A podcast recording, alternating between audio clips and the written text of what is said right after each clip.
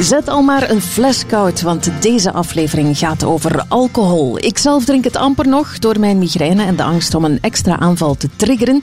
Nu, in het begin was dat een beetje wennen, eigenlijk ook niet zo fijn, maar intussen al lang geen gewoonte meer in mijn leven om bij elke leuke gelegenheid een glas te moeten drinken. Op restaurant, op vrijdagavond, om het weekend in te zetten, op mijn verjaardag. Maar bij veel mensen is dat wel nog zo. En zo zit je eigenlijk snel aan het maximum aantal glazen per week. Ik vraag me af hoe oké alcohol wel of niet is, of we de impact ervan onderschatten op onze gezondheid en hoe je kan minderen of zelfs helemaal stoppen met drinken. Ik praat erover met dokter Servaas Benji en podcastvriendin Anne Rijmen.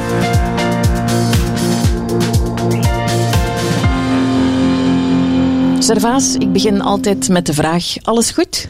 Alles prima, dank u wel, Evie. Ja, maar echt eerlijk, hè? Ja, ja maar alles gaat, gaat supergoed. Ik ben net terug van vakantie, dus ah, ja, het kan, kan eigenlijk niet beter zijn. Ja, dan snap ik. Dan keer ik even naar de andere kant. Anne Rijmen, je staat er een beetje verbouwereerd bij. Alles is goed bij Servaas. Hoe is het met jou? Uh, goed, ik had misschien graag wat langer geslapen en een Moskou Mule als aperitief gehad, maar uh, voor de rest ben ik helemaal oké. Okay. Uh, ja, hoe, hoe is jouw relatie met alcohol? die is eigenlijk zo goed als onbestaande. Ja? Ehm, ja, in eigen huis toch. Ik heb geen alcohol thuis staan. Niet? Nee. Mm, en je nee. man drinkt ook nooit iets? goh, dat zou misschien nu wel eens kunnen dat hij een keer een flesje meebrengt, maar dan zou er altijd wel. Dan is er ook, er zijn ook vrienden of zo die langskomen. Dus ja. het is dan met reden, zou ik maar doel. zeggen. Um, alleen als ik buiten ga en ik kom bij de buren terecht, dus we hebben een heel echte burenklik, mm -hmm. ja, dan kan ik mij wel eens. Ja, nee, laten gaan ook niet. Dan is het altijd onder controle. Ik zal mij eigenlijk nooit dronken drinken. Ah. Nee, omdat ik daar gewoon veel te mottig van ben de dag nadien. En ik vind dat helemaal geen leuk. Ik vind dat helemaal geen leuk gevoel. Nee. Nee. Zo, je gebruikt het, of je hebt het nooit gebruikt om zo eventjes los te laten? Want veel nee, mensen... nee, want ik kan heel moeilijk controle lossen. Hmm. En ook met drinken. Nee, ik, je zal mij niet zwalpend over de straat zien tegenkomen. En ik vind trouwens een zatte vrouw ook heel lelijk. Ja, dat is een weinig elegant meestal. Hè? Ja, zelfs mannen ook. Ik vind zatte mensen over het algemeen, want ik ga nu al meteen een overdrive met alcohol. Ja, ja, ja. Ik vind, ja, zatte mensen, ik vind het gewoon niet tof. Nee. Nee, ik vind, vind het niet mooi, vind het niet tof, vind het niet elegant, vind er niks aan. Maar ben je het zelf nooit geweest dan? Als kind wel, ja, jawel. Ik heb zo, zo Als hard kind? Moeten, ja, ik bedoel als puber. Ah. ik dacht, wat krijgen we nou? Maar uh, dan heb ik Ja. dus, uh, ja, je kent Als wel, tiener, aan, of- als tiener ja, aan de porto gezeten en dan echt gigantisch moeten overgeven. Of Genever is ook zo En oh, vreselijk. En ik wil het gevoel dat dat terug omhoog komt. En ah, kus, nee, ik ben er geen fan van. En wat merk ik nu? Mijn, mijn, mijn oudste dochter begint op die leeftijd te komen. Ze kan gelukkig niet drinken, want ze heeft ook migraine. Mhm. Maar daar zijn dus vriendinnetjes van 14, 15 jaar. En I kid you not, die naar hun eerste vuif gaan en die om vijf uur in de namiddag zich gaan indrinken. Oh ja. Die vodka gaan kopen in de supermarkt, wat geen probleem is trouwens onder de 18. Neem het maar mee. Of in, of in nachtwinkels. En die drinken zich in en die hebben dan al drie keer overgegeven voordat ze naar die vuif Oh, gaan. mag dat? Waanzin. Vapen, net hetzelfde. Mhm. Het is onwaarschijnlijk wat ik op dit moment zie gebeuren rond de leeftijd van mijn kinderen. Ja, dat is wel heel vroeg natuurlijk, hè? 14, 15 jaar en dan al...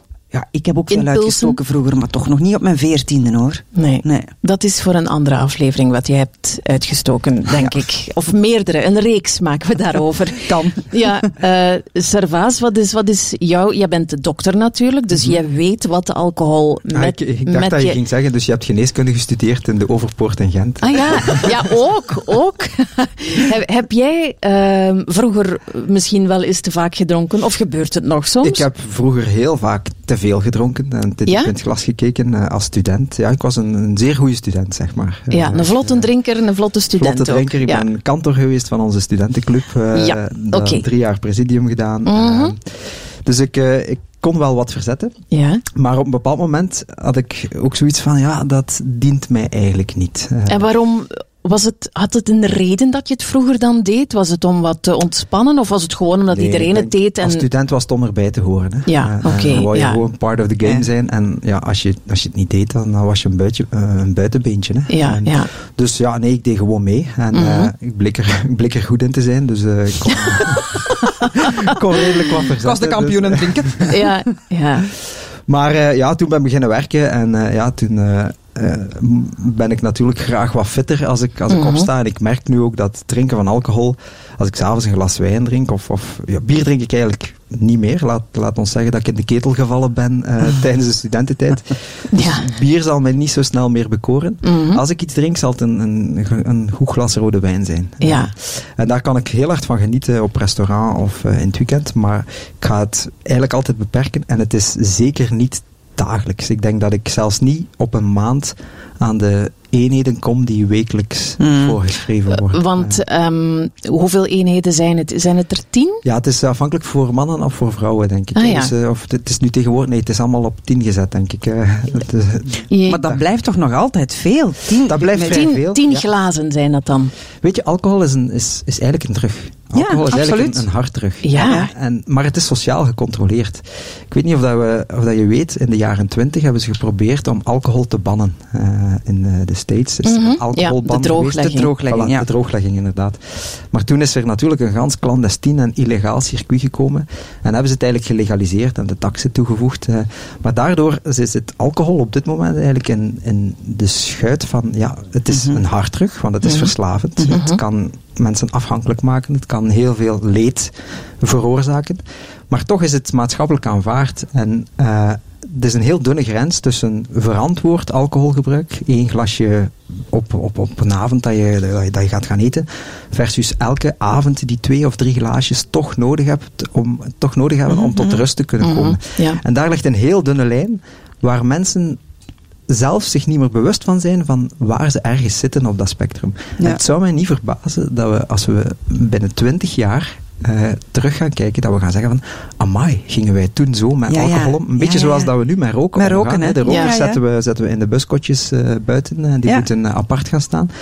Ik denk dat we met alcohol hetzelfde gaan doen, want ja, de toxiciteit en, en Wel, het probleem dat het voor het lichaam is, Laat het ons daar eens over hebben. Ik denk dat inderdaad, het, het is zo maatschappelijk aanvaard geweest. Dat begint inderdaad een beetje te kantelen. Vooral de oudere generatie heeft zoiets van, ja, wat is het probleem eigenlijk? Allee, dat is die, Mm. die, ja, ik- die kruipen, ik mag ze niet allemaal over dezelfde kam Nee. scheren Nee, maar natuurlijk. Cienzano heeft vorig jaar een grote studie gedaan, ehm, of anderhalf jaar geleden denk ik, waarin ze inderdaad gezien hebben dat, dat eigenlijk het alcoholgebruik gedaald is, Mhm. maar bij de 55-plussers is het nog steeds dagelijks. Dat is toch een andere mindset, Ja. inderdaad. Hè? Ja, en ook eh combinatie van alcohol drinken en achter het stuur kruipen. Vaak zien mensen nog altijd niet in hoe gevaarlijk dat wel is. Ja, het probleem is dat je, als je alcohol gedronken hebt, wordt je, wordt je brein een klein beetje naar beneden gedrukt. Wat Dus- gebeurt er eigenlijk? De remmingen vallen weg, hè? Ja, dus je frontale kwap wordt, eh, Mhm. wordt eigenlijk onderdrukt, waardoor dat je minder controle hebt. En eh, je merkt dat niet, want je, ook die controle, ook die controle is werk. Als je dan heel extreem dronken bent, gaat ook je kleine hersenen gaan verstoren en gaat de coördinatie weg zijn. En dat is wat Anne Mhm, daarnet zo mooi en zo plastisch zatte mensen eh, Zwalpen over straat. genoemd ja. heeft. Ja. Ja. Dus dan gaat dat inderdaad, die, die, die motorische controle is weg en mensen hebben een verbreed steunvlak en, en gaan waggelen eigenlijk. Ja. Maar dat is natuurlijk eh, bij de hogere promillage. Maar zelfs bij lagere promillage zien we al dat die frontale remming eh, heel veel secundaire zaken in gang zet. Bijvoorbeeld het, het maken van gezonde voedingskeuzes. Dus Mhm. dat wordt heel hard onderdrukt door één glaasje alcohol. Ah, ja. Als je één glas wijn drinkt, dan is het veel moeilijker om van die snoep en die desserts af Ja. te blijven. Eh, Dat is wel zo, hè. vandaar hè, je de, de boef. eh, ja, Ja. de boefkik. Ja. ja. Omdat je je wilskracht eigenlijk onderdrukt. hè. Maar goed, hè, zo'n boefje. Ja. Hela manneke. Zo'n hamburger of een frietje steken. Op Zo. het moment zelf, Hè? jongens, Ja. toch. Ja, heel lekker. Ja. Nee, dus ik, ik denk, eh, dat is- dat is één. Dus dat is eigenlijk het, Mhm. het herseneffect, zeg maar. Maar wat voor mij eigenlijk nog belangrijker is, is het effect op de lever. Mhm. Eh, ons lichaam heeft twee à drie dagen nodig om een molecule alcohol af te breken.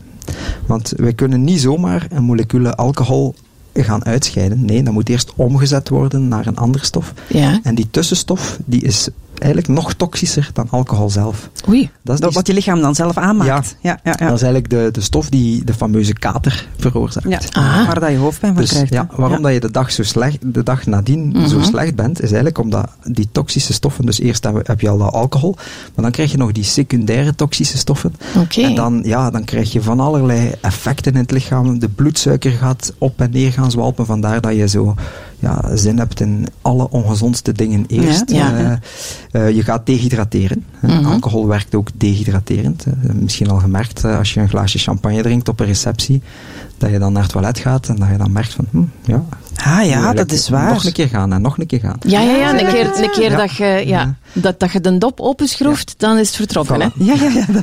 Dus, dus dat, is eigenlijk, dat is eigenlijk dat dehydratatie-effect. Uh, en als uw netto-balans heel gedehydrateerd is, dus uitgedroogd, ja, dan ga je de volgende dag echt met een vochttekort zitten. En dat geeft hoofdpijn. natuurlijk een knallende hoofdpijn. Ja. Uh, ja, ja. En dan ja, komt er nog eens bij dat je ook zodanig veel kan drinken en een toxische stof kan innemen. En het lichaam heeft zoiets, toxische stoffen, die moeten eruit. Mm -hmm. Dus wat gaan we doen? We gaan braken en we gaan die ja, krijgen. lichaam wil dat we er zoiets echt uit, hebben hè? van, Ja. kom, dat moet hier gezuiverd worden. Ja.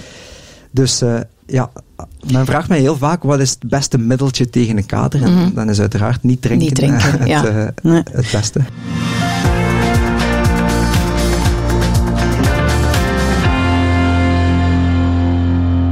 Vanaf wanneer heb je een probleem? Goh, dat is zeer individueel afhankelijk. Vanaf het moment dat je zegt, ik heb geen probleem. Toch? Ja, maar als je is zegt ik zo, heb geen probleem en je drinkt nooit alcohol, Ja, dat is dan, iets dan anders, heb je ja. gelijk, denk ik. Eh, Ja. Nee, ik zou zeggen, eh, op het moment dat je, dat je niet meer beseft dat je het echt nodig hebt. Eh, ik ken heel veel mensen die elke avond twee of drie glaasjes drinken. Mhm. Uh, op zich, sociaal zouden we kunnen zeggen, dat is geen probleem. Maar als ik dan kijk als dokter en als iemand die zoiets heeft van ja, ik hou wel ervan om uw lichaam gezond te houden, dan hebben die mensen eigenlijk vaak wel een probleem. Uh, Ja. Maar uh, we kunnen dat probleem niet altijd heel vroeg opsporen. Mhm. ja, want we gaan dan af en toe toch een keer naar de dokter voor ons levertesten te laten. en heel vaak zullen die nog normaal zijn. Waarom? Die gaan eigenlijk pas gaan stijgen heel laat in een ziekteproces. Uh, ah, ja. De alcoholische leververvetting en dan de fibrose en de cirrose. Dus dat is eigenlijk het weefsel van de lever dat normaal gezien een spons is, heel elastisch is, dat heel hard wordt, dat littekens begint te vertonen en dat dan in het laatste stadium ook kanker kan, uh, mm -hmm, kan veroorzaken. Mm -hmm. Dat is eigenlijk een proces dat niet op één dag ontstaat, dat gaat heel geleidelijk. Waar je ook geen klachten van hebt dan uh, Waar de je hele ook geen tijd. klachten van ja, hebt. Nee. Kan, kan, je het aan iets anders merken of zien? Hè? Want je hebt soms van die, ja, bij ons in West-Vlaanderen zeiden ze, hij heeft de kozintjes. Uh, hij heeft zo'n ja, dikke zo'n rode, rode neus. dikke... De, de, ja, zo de, Ja. de, de, de, de, de dikke rode neus, Ja. of, met Of poriën die... Of eh, een teen zo, hè? Zo'n Kun- slippend pootje zo, zonder voet. Ja. Nee? Ja. ook van een drank, hè? Dat, Ja. kan, uh, dat kan zenuwuitval zijn. Dus Ja. want, maar dan spreken we echt over chronisch alcoholisme. Mhm. Uh, dat put enorm de vitamine B-content uit. Oké. Okay. Dus daarom ook iemand die, die heel veel drinkt, echt een alcoholieker, als we die mensen willen helpen om te stoppen met drinken, moeten we een andere begeleiding doen en moeten die heel vaak vitamine B-suppletie krijgen. Mhm. waarom? Omdat zij halen een stuk van hun vitamine B-gehaltes uit die alcohol. Uh, en op een bepaald moment als we dan stoppen met alcohol, ja, dan zakt die vitamine B en krijg je die neurologische stoornissen. Ja, ja, ja. Is dat, is dat iets wat omkeerbaar is? Uh, alles is tot op een zeker punt omkeerbaar. Als je echt in het cirrose-stadium zit, dus als je lever echt verhard is en niet meer elastisch is, mm -hmm. dan is de omkeerbaarheid niet meer 100%. Uh, dus, maar het is altijd de moeite waard om zo ver mogelijk, uh, zo ver ja. mogelijk terug te gaan. Hè. Niet meer 100%, maar toch nog een aantal stappen terug. Ja, je moet, moet rekenen, onze, elke cel vernieuwt zich om de zoveel tijd in het lichaam. Mhm. Mm -hmm. levercellen zijn niet onbeperkt uh, beschikbaar, maar de lever is wel een zeer uh, veerkrachtig orgaan. Uh, ja. Je kan perfect met een halve lever kan je leven. -hmm. Mensen die een accident gehad hebben, Mm. dan moeten we soms chirurgisch de helft van de lever verwijderen. Of levertransplantaties. Er gebeurt ook gewoon soms dat er een lop getransplanteerd wordt en ook die mensen kunnen leven. Dus wat dat betreft is de lever eigenlijk een vrij gunstig orgaan. Maar net daarom dat we er zoveel zorg voor moeten dragen. En dat doen we een beetje te weinig, omdat we er ons ook niet bewust van zijn. Nee, nee. we weten wel, hè, don't drink and drive, Mhm, hè, ja. de, voor de veiligheid, maar ook voor je, voor je eigen gezondheid. Um, Ja, en plus, het is, de, de lever wordt niet alleen aangevallen langs de alcoholkant. Hè. De lever wordt ook aangevallen door de bewerkte suikerskant. Uh, ja. Want dat zijn ook toxines waar de lever heel hard mee aan de slag Die krijgt hij nogal te verduren, hè, zeg. Ja, de lever is... Ja, die uh, werkt het hardst zeker van al onze organen dat we hebben. De lever. Ik denk als die staakt, dus als je Dan is het in, gedaan. in leverfalen zit, dan, Ja, ja, dan, zijn de medische problemen groot. Ja. Ja, ja, ja. Ja. Nu, ehm, ik heb de indruk dat meer en meer mensen ook gewoon stoppen met drinken. Hè? Evie Hansen schreef er een boek over eh, thuisactrice Katrien de Ruiser, Bart de Wever, Katrien Kools. Of ze drinken niet in een bepaalde periode. Eh, dat, dat waren helemaal geen alcoholisten, maar die stoppen wel volledig. Ja, ik zou eerst en vooral die mensen willen feliciteren, want die maken een heel bewuste keuze. Ja. Ja, ik denk dat dat veel te maken heeft. En ik ga gewoon mijn eigen ervaring vertellen. Mhm. Eh, ik drink ook niet zo heel veel. Eh, waarom? Ik voel het gewoon aan mijn slaap. Zelfs één glaasje Mhm, wijn mhm. voel ik de volgende ochtend. Ja. Eh, mijn ochtendroutine is veel minder fit. Ja. Ik ben slaperiger. Ik ben, ik- mijn slaap wordt ook gefragmenteerder. Eh, Ja. Dus ik, ik ga vaker een keer wakker worden s'nachts. Dat is ook Want- bewezen. Ja, dat eh, is zo. Uw slaaparchitectuur wordt verstuurd, hè, verstoord. We denken, we denken dat alcohol ons helpt met slapen. Voilà, ja. Ja. Je slaapt wel meteen in. Hè? ja, maar je hebt niet dezelfde diepte van hersengolven. Ja. Eh, dus ons, ons, onze slaap gaat echt van de lichte slaap naar de diepe slaap en dan weer naar die lichte slaap en die Mhm. remslaap. Ja. En zo moeten we een paar cycli, liefst vier of vijf cycli per nacht hebben. En wat gaan we hebben met alcohol? We gaan onmiddellijk naar, naar zo'n een, type fase, maar dan gaan we weer licht en dan blijven we in die lichte fases. En dus eigenlijk het fysieke herstel gebeurt niet meer. Eh, Ja. En als dat één nacht is, is dat niet zo erg. Eh, en als ik een trouwfeest ge- Mhm. gepland heb, dan ga ik er ook rekening mee houden dat ik de volgende ochtend niet op mijn meest productieve moment eh, zal zijn. Maar als je, als je dat elke dag doet, twee, Mhm. drie glazen, dan heb je ook een soort wat we noemen cumulatieve dosis. Dus al die kleine beetjes, jarenlang na elkaar, ja, dat heeft toch ook zijn impact. Dus ik zeg heel vaak tegen mijn patiënten van, kijk, drink gerust een keer een glaasje, maar probeer drie of vier alcoholvrije dagen in de week in te lassen. Dat is soms al een eerste stap dat al een heel groot verschil kan maken op algemene gezondheid en Maar algemene ik, ik welzijn. ken ook zo ehm, mensen die dan inderdaad zeggen van ja, maar ik drink niet meer op weekdagen, alleen in het weekend. En die halen dan effectief de eenheden in dat ze gemist hebben Ja, door de ja, week. ja. En dan denk ik, ja, maar dat is toch uiteindelijk hetzelfde. Dat is wat, wat we binge drinking noemen. Hè. Eh, en Ja. Dat is dus... Dat is en uw lichaam, die, uw lichaam craeft daarnaar, hè? ja, maar ook dat is een verslaving. Hè. Ja. Eh, maar dat zie je in alle verslavingen. Hè. Dat zie je in, eh, in- zelfs het kijken naar Netflix-series, dat zie je in suikerverslavingen. Dat mensen heel gezond twee, drie dagen en Goed dan beginnen, poef, ja. eh, gaat die koekenkast open. En, en Ja. Maar dat is hetzelfde met bewegen ook. Hè. Je hebt mensen die, Ja. die niks doen overdag eh, en, en dan één keer in de week high intensity training gaan doen. Ja. Dat is eigenlijk ook niet. Nee, maar ik denk dat de natuur alles voorzien heeft op balans. Mm. Eh, ik denk dat balans een heel belangrijk woord is dat heel vaak onderschat wordt. Eh, weet je, een keer een glaasje alcohol gaat daar niet van doodgaan. Eh, maar niet elke dag en probeer het in, eh, ja, in verhouding te, te, te hebben. Intermittent drinking, bijna. Ja, intermittent drinking, dat zou Eh, je dan de- kunnen om de zeggen drie, van vier 16 uur- dagen. Nee, gewoon niet drinken voor 12 uur. Hè? 16 uur niet drinken en dan 8 uur. Nee, maar dan met dagen, hè. drie, vier Ja. dagen en Ja, dan ik een keer denk- één iets. Ja, wetende dat, dat, onze fysiologie eigenlijk vraagt van, dat we er twee, drie dagen werk aan hebben, is het Ja. niet slecht om die twee, drie dagen... Ja. Maar dus na die twee, drie dagen zit je eigenlijk pas terug op je basisniveau, op Ja, nulniveau. en dan zijn uw levercellen weer Ja. in staat om... Dus als je Nu- elke dag drinkt, dan moet die lever elke dag en nacht blijven werken. Ja. Wat ook vermoeiend is voor je lichaam, En wat energie weghaalt. Voilà. En dat is zoals een Ja, bal, hè. Dat is zoals een bal die je, die Ja, je ja. Niet, na- niet laat bovenkomen, maar altijd terug dieper duwt. Ja. Op het einde van de rit gaat hij onder zijn, hè. En gaat hij Ja, ja, ja, onder, de, onder het wateroppervlak zitten. ja, Ja. of ketst hij heel hard in je gezicht. Dat kan ook, als het een, eh, Ja. een strandbal is. Of, Ja, ja, ja, ja.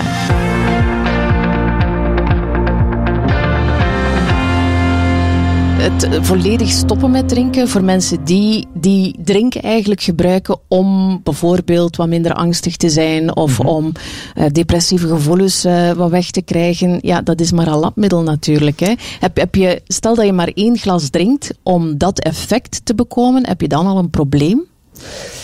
ik zou nog een stapje terug willen gaan dan. Dan zou ik eerst willen zeggen van, bekijk eens jouw alcoholgebruik. Eh, ik denk dat, omdat heel veel van het alcoholgebruik in gewoontes eh, vastgebeiteld zit, Mhm. zijn we er ons heel vaak niet bewust van. En drinken we vaak twee of drie glazen zonder dat we het doorhebben. Dat we Mhm. denken, we drink- drinken elke avond een glaasje wijn, maar als je dan op het einde van de rit de slotsom maakt, Mhm. blijken er acht flessen op een week op te zijn. Ja. En dan klopt het niet met eh, een half Nee. eh, een glaasje per dag. Dus voor mensen die er willen bewust mee bezig zijn, zou ik, zou ik eerst aanraden van, schrijf het eens op. En je moet niks veranderen aan je gewoontes, maar, maar monitor het eens. Dat je het zelf, dat je, dat je eerlijk, beseft. dat Dat is je met een eten eerlijk- ook zo. Ja, Ja, ja, dus ja. dat je een eerlijk beeld hebt van, oké, oh fuck, ik drink eigenlijk, Mhm. wel, eh, ik drink eigenlijk wel te veel. Eh, want dat is eigenlijk de eerste stap. Dat is bewustzijn. Ja. En dan heb je de keuze. Dan heb je de keuze van, oké, willen we dat verminderen? Of vinden we dat oké en, en kunnen we leven met, eh, met de risico's? Maar, en het dan verminderen, ja, dat, dan probeer ik dat altijd in heel meetbare doelstellingen te steken. Hè. Eh, kies dan twee of drie dagen in de week waar dat je zegt van, kijk, hier blijft de fles eh, gewoon dicht. En kiezen we voor een alternatief. Maar wat doe je dan als je, als je wel dat goed voornemen hebt? Van ja, die fles gaat vandaag niet open. Ik ga vandaag een alcoholvrije dag inlassen. En je komt, hè, je bent een gewoontedrinker. Wat, wat doe je dan om dat niet te doen? Want dat is toch vaak het moeilijkste. Ja. Het, het, het gedacht van ik ga niet drinken, dat is trap gemaakt. Dan zou ik zeggen één mild zijn voor jezelf, want het gaat om gedragsverandering, hè, om het zware woord te noemen. Dus als je inderdaad 10 of 15 jaar gewoon bent om elke avond die twee, drie glazen wijn te drinken, dan is dat een patroon dat heel hard gebeiteld zit. Dus dan, dan moet je jezelf de tijd gunnen om een patroon waar dat je 15 jaar de tijd voor had hebt om het te laten ontstaan, Mhm. om dat heel zachtjes te laten... Dus als het een keer mislukt een avond, niet onmiddellijk met schuldgevoelens en met negatieve emoties op jezelf gaan schieten en, en negatieve self-talk, want dan ga je alleen maar de craving meer Verhogen. Ja, ja, meer hè, vergroten. denk niet aan de maken. roze olifant. Aan wat denk je? De roze Ja, olifant, voilà, hè? Ja. inderdaad. Dat is typisch, hè.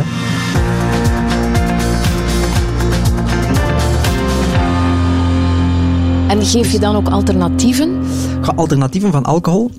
Ik zeg, dat- ik, ik zeg altijd, ons lichaam is gemaakt om calorieën te eten en om te hydrateren met vocht. Dus eigenlijk de beste dranken zijn water, koffie, thee. eh, zijn Ja, maar dan kom je natuurlijk niet in die roes, wat dat heel veel Nee. mensen dagelijks willen om dus dan moet je misschien te ook eens gaan kijken, waarom wil ik in Ja. die roes Mhm. komen? Eh, Ja. Welke stress is er in mijn leven? Welke zaken zijn er die onverwerkt zijn? Die, eh, wat zit er in mij dat ik eigenlijk wil... Ja.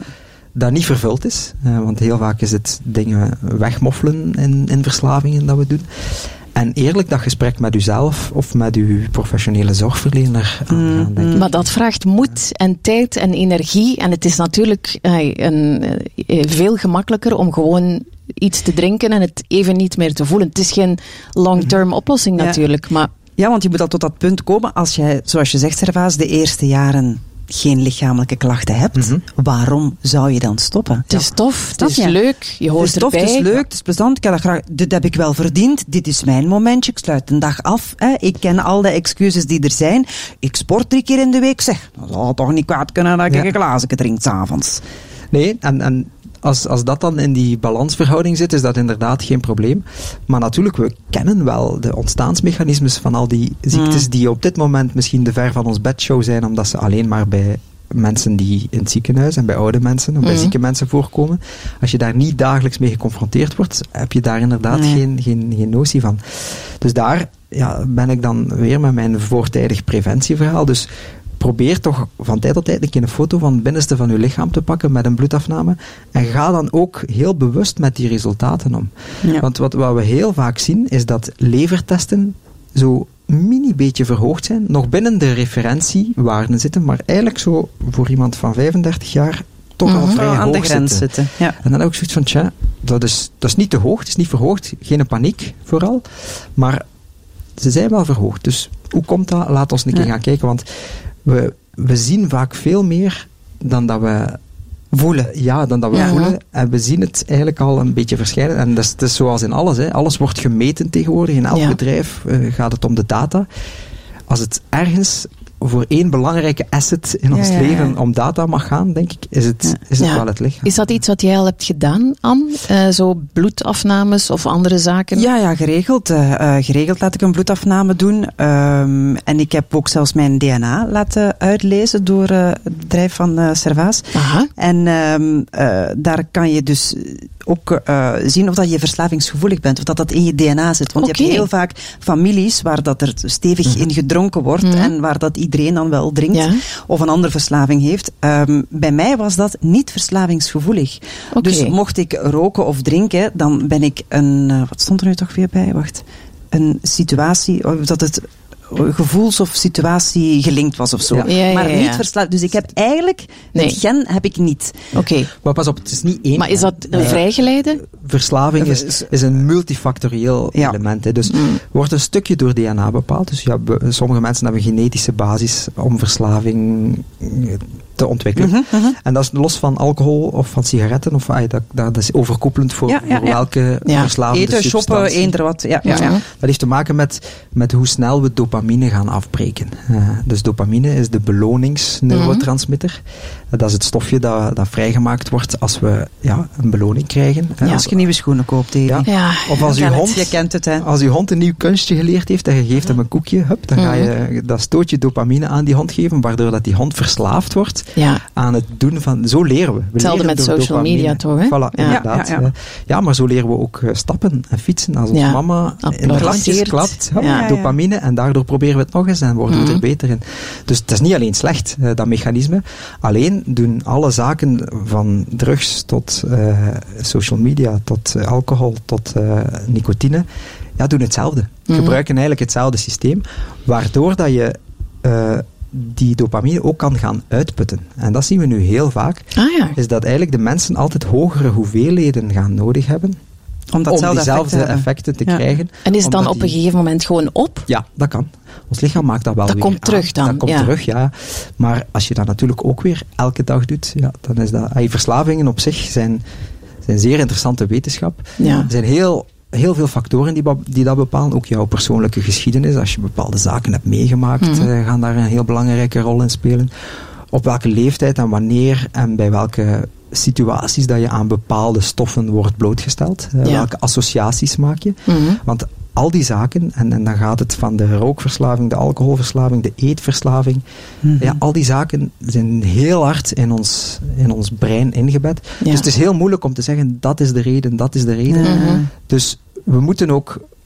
Ja, wij zijn geen computers. Hè. We kunnen niet zomaar even de code veran- Nee. veranderen. Spijtig wel, hè? Maar we moeten heel geleidelijk, als we een, een gedragsverandering Ja. willen, dan denk ik dat het belangrijk is om, om een goed doel te stellen. Om Mm. te zeggen van, kijk, ik wil iemand zijn die niet afhankelijk is van alcohol en die gewoon op een feestje een keer een glas wijn drinkt. Ja, nu, Eh, ik ik moet, moet zeggen, hè, toen, toen ik ook eh, ja, ermee stopte, dat lijkt alsof dat ik een, een zuipschuit was, maar Ja, dat, dat was ik het niet. maar. Maar ja, het, het is wel, het heeft iets gezelligs, het heeft iets heel sociaals. En alcohol is gelijk aan plezier, zo lijkt het wel. Hè? Want als, als ik dan, hè, vooral voor de migraine, eh, in eerste instantie ja, niks meer dronk, ja, dan ben je zo de, de saai. Allee, kom, Ja. doe niet flauw. Doe, allee, kom, doe een keer normaal. En, Ja. en dan, je moet, je moet jezelf verantwoorden van, of je moet een reden kunnen geven. Wa, allee, waarom, waarom doe jij nu zo? Maar dat is omdat we kuddedieren zijn. Hè? Eh, dus onze grootste angst, onze grootste primaire angst is om er niet bij te horen. Ja. Eh, hè, want als je als dier niet bij de kudde hoort, ja, dan heb je eigenlijk geen kans op overleven. Dan Dus word je verstoten, hè? Voilà, dus dat is een heel, ja, heel biologisch overlevingsmechanisme. Mhm. En, en natuurlijk, ja, als iedereen alcohol drinkt, ja, dan gaat die groepsdynamiek en die groepsdruk gaat dat. Alhoewel dat ik toch het gevoel heb dat dat bij alcohol aan het verminderen is de laatste Dat jaren. is wel zo, ja. dus- Ja, dat is eerder zoiets van, ah, respect maat, dat jij niet meer drinkt. Ja, zelfs on- ook onder mannen. Ja, ja, ik denk ja, dat het onder ja, ja. mannen soms nog Ja. moeilijker is. Ja. Hè, om zo, ja, mannen onder elkaar, Ja. oh, puntje hier, puntje daar. Voilà, en ja. ik zie dat ook vaker gebeuren. Dat mannen zeggen van, Ja. nee, ik, eh, ik drink niet. Maar ik ben er zeker van, als je zo in een groep bent ehm, en één iemand is gestopt met drinken of gestopt met roken, ehm degene die het hardst roept, oh jong, eentje kan toch geen kwaad, dat zijn de eerste die eigenlijk denken, fuck jong, ik wil, Ik wil dit dat ook. ook kunnen, ja. ja Dat is waar. echt, hè? Ik ben daar 100% dat zeker is, van. Ja. Dat is hetzelfde met kilo's. Ja, ze 10 kilo kwijt. Oh, maar, ja, maar stop maar zo, want we gaan nu binnenkort Ja, ja, ja, ja, ja, ja. Typische Ja. zinnetjes Ja. eh, die mensen zeggen. Is gelijk aan, shit, ik wil dat ook. Ja. En dan moet je een keer tegen zo iemand moet je dan eens zeggen van, zou je het ook willen? Eh, en dan, dan Ja. krijg je een ganz ander gesprek Ja, ja, ja, dan, dat is dan waar. die onbewuste Ja. groepsdruk. eh, Ja, dus, ja, eh, dat is waar. Ik, ik wou even teruggaan naar, die- naar, die, naar die slaap. Het is ook daarom dat ik had de test gedaan met zo'n trekker, met zo'n slaaptrekker. Ja, En eh, ik werd daar knijtegek van, want die trekker gaf altijd maar aan, slecht geslapen, battery low, battery low. Dat ik dacht, maar Leon, heb ik hier toch achter in mijn bed gelegen? En dan beginnen opschrijven, wat heb ik gegeten en wat heb ik gedronken de avond voordien? Mhm. En telkens, al was er maar één eenheid alcohol bij, Ja. zeg maar één glas bij Een de fles is ook een of- eenheid, hè? Ja, ja, maar, en maar één glas en uw slaap is naar de vort. ja, dat klopt. Ja. Ja, En ook al voelt het niet meteen zo, hè, na één glas, maar toch laat Ja, ja, ja. je lichaam niet op. Ja, Straf, dus hè? Moet, moet wel rekenen, zo die trackers, die zijn goed en die zijn altijd maar beter aan het worden. Het zijn nog altijd geen medical devices. Dus Hmm. dat, dat is een heel belangrijke kanttekening. Maar eh, het is wel een feit dat alle trackers op dit moment, bijvoorbeeld de HRV is een heel goede parameter. Ja. Hè? Dus de HRV is de Heart Rate Ja, Variability. Dat is eigenlijk van hoeveel milliseconden is er tussen twee hartslagen. En hoe groter die variatie, hoe minder gestresseerd en hoe gezonder en gebalanceerder je lichaam is. En inderdaad, daar heeft men al heel veel studies naar gedaan. Eén glas wijn, twee glazen wijn. Verhoogt je eh, hartslag. binnen- Ja, ja, je, dan zie je die, die resilience en die veerkracht van dat lichaam duiken. Mhm. Dus dan denk je, ja, één glaasje wijn tegen de stress. Maar eigenlijk doe je Het omgekeerde. het omgekeerde. Eigenlijk geen glas wijn en even Ja, gewoon dat gevoel misschien toelaten en, en, het, en het kanaliseren door, door een positieve Mhm. eigenschap is denk ik een slimmere keuze.